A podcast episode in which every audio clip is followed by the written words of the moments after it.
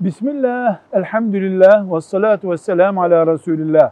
Derneğe, vakfa gelir sağlamak için açık artırmalı bir satış yapılabilir mi? Alimler bunu caiz görmüşlerdir. Yapılabilir.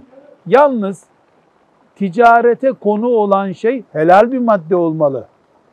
Yani mesela haram olan bir alkol mamülü ticaret konusu yapılamaz.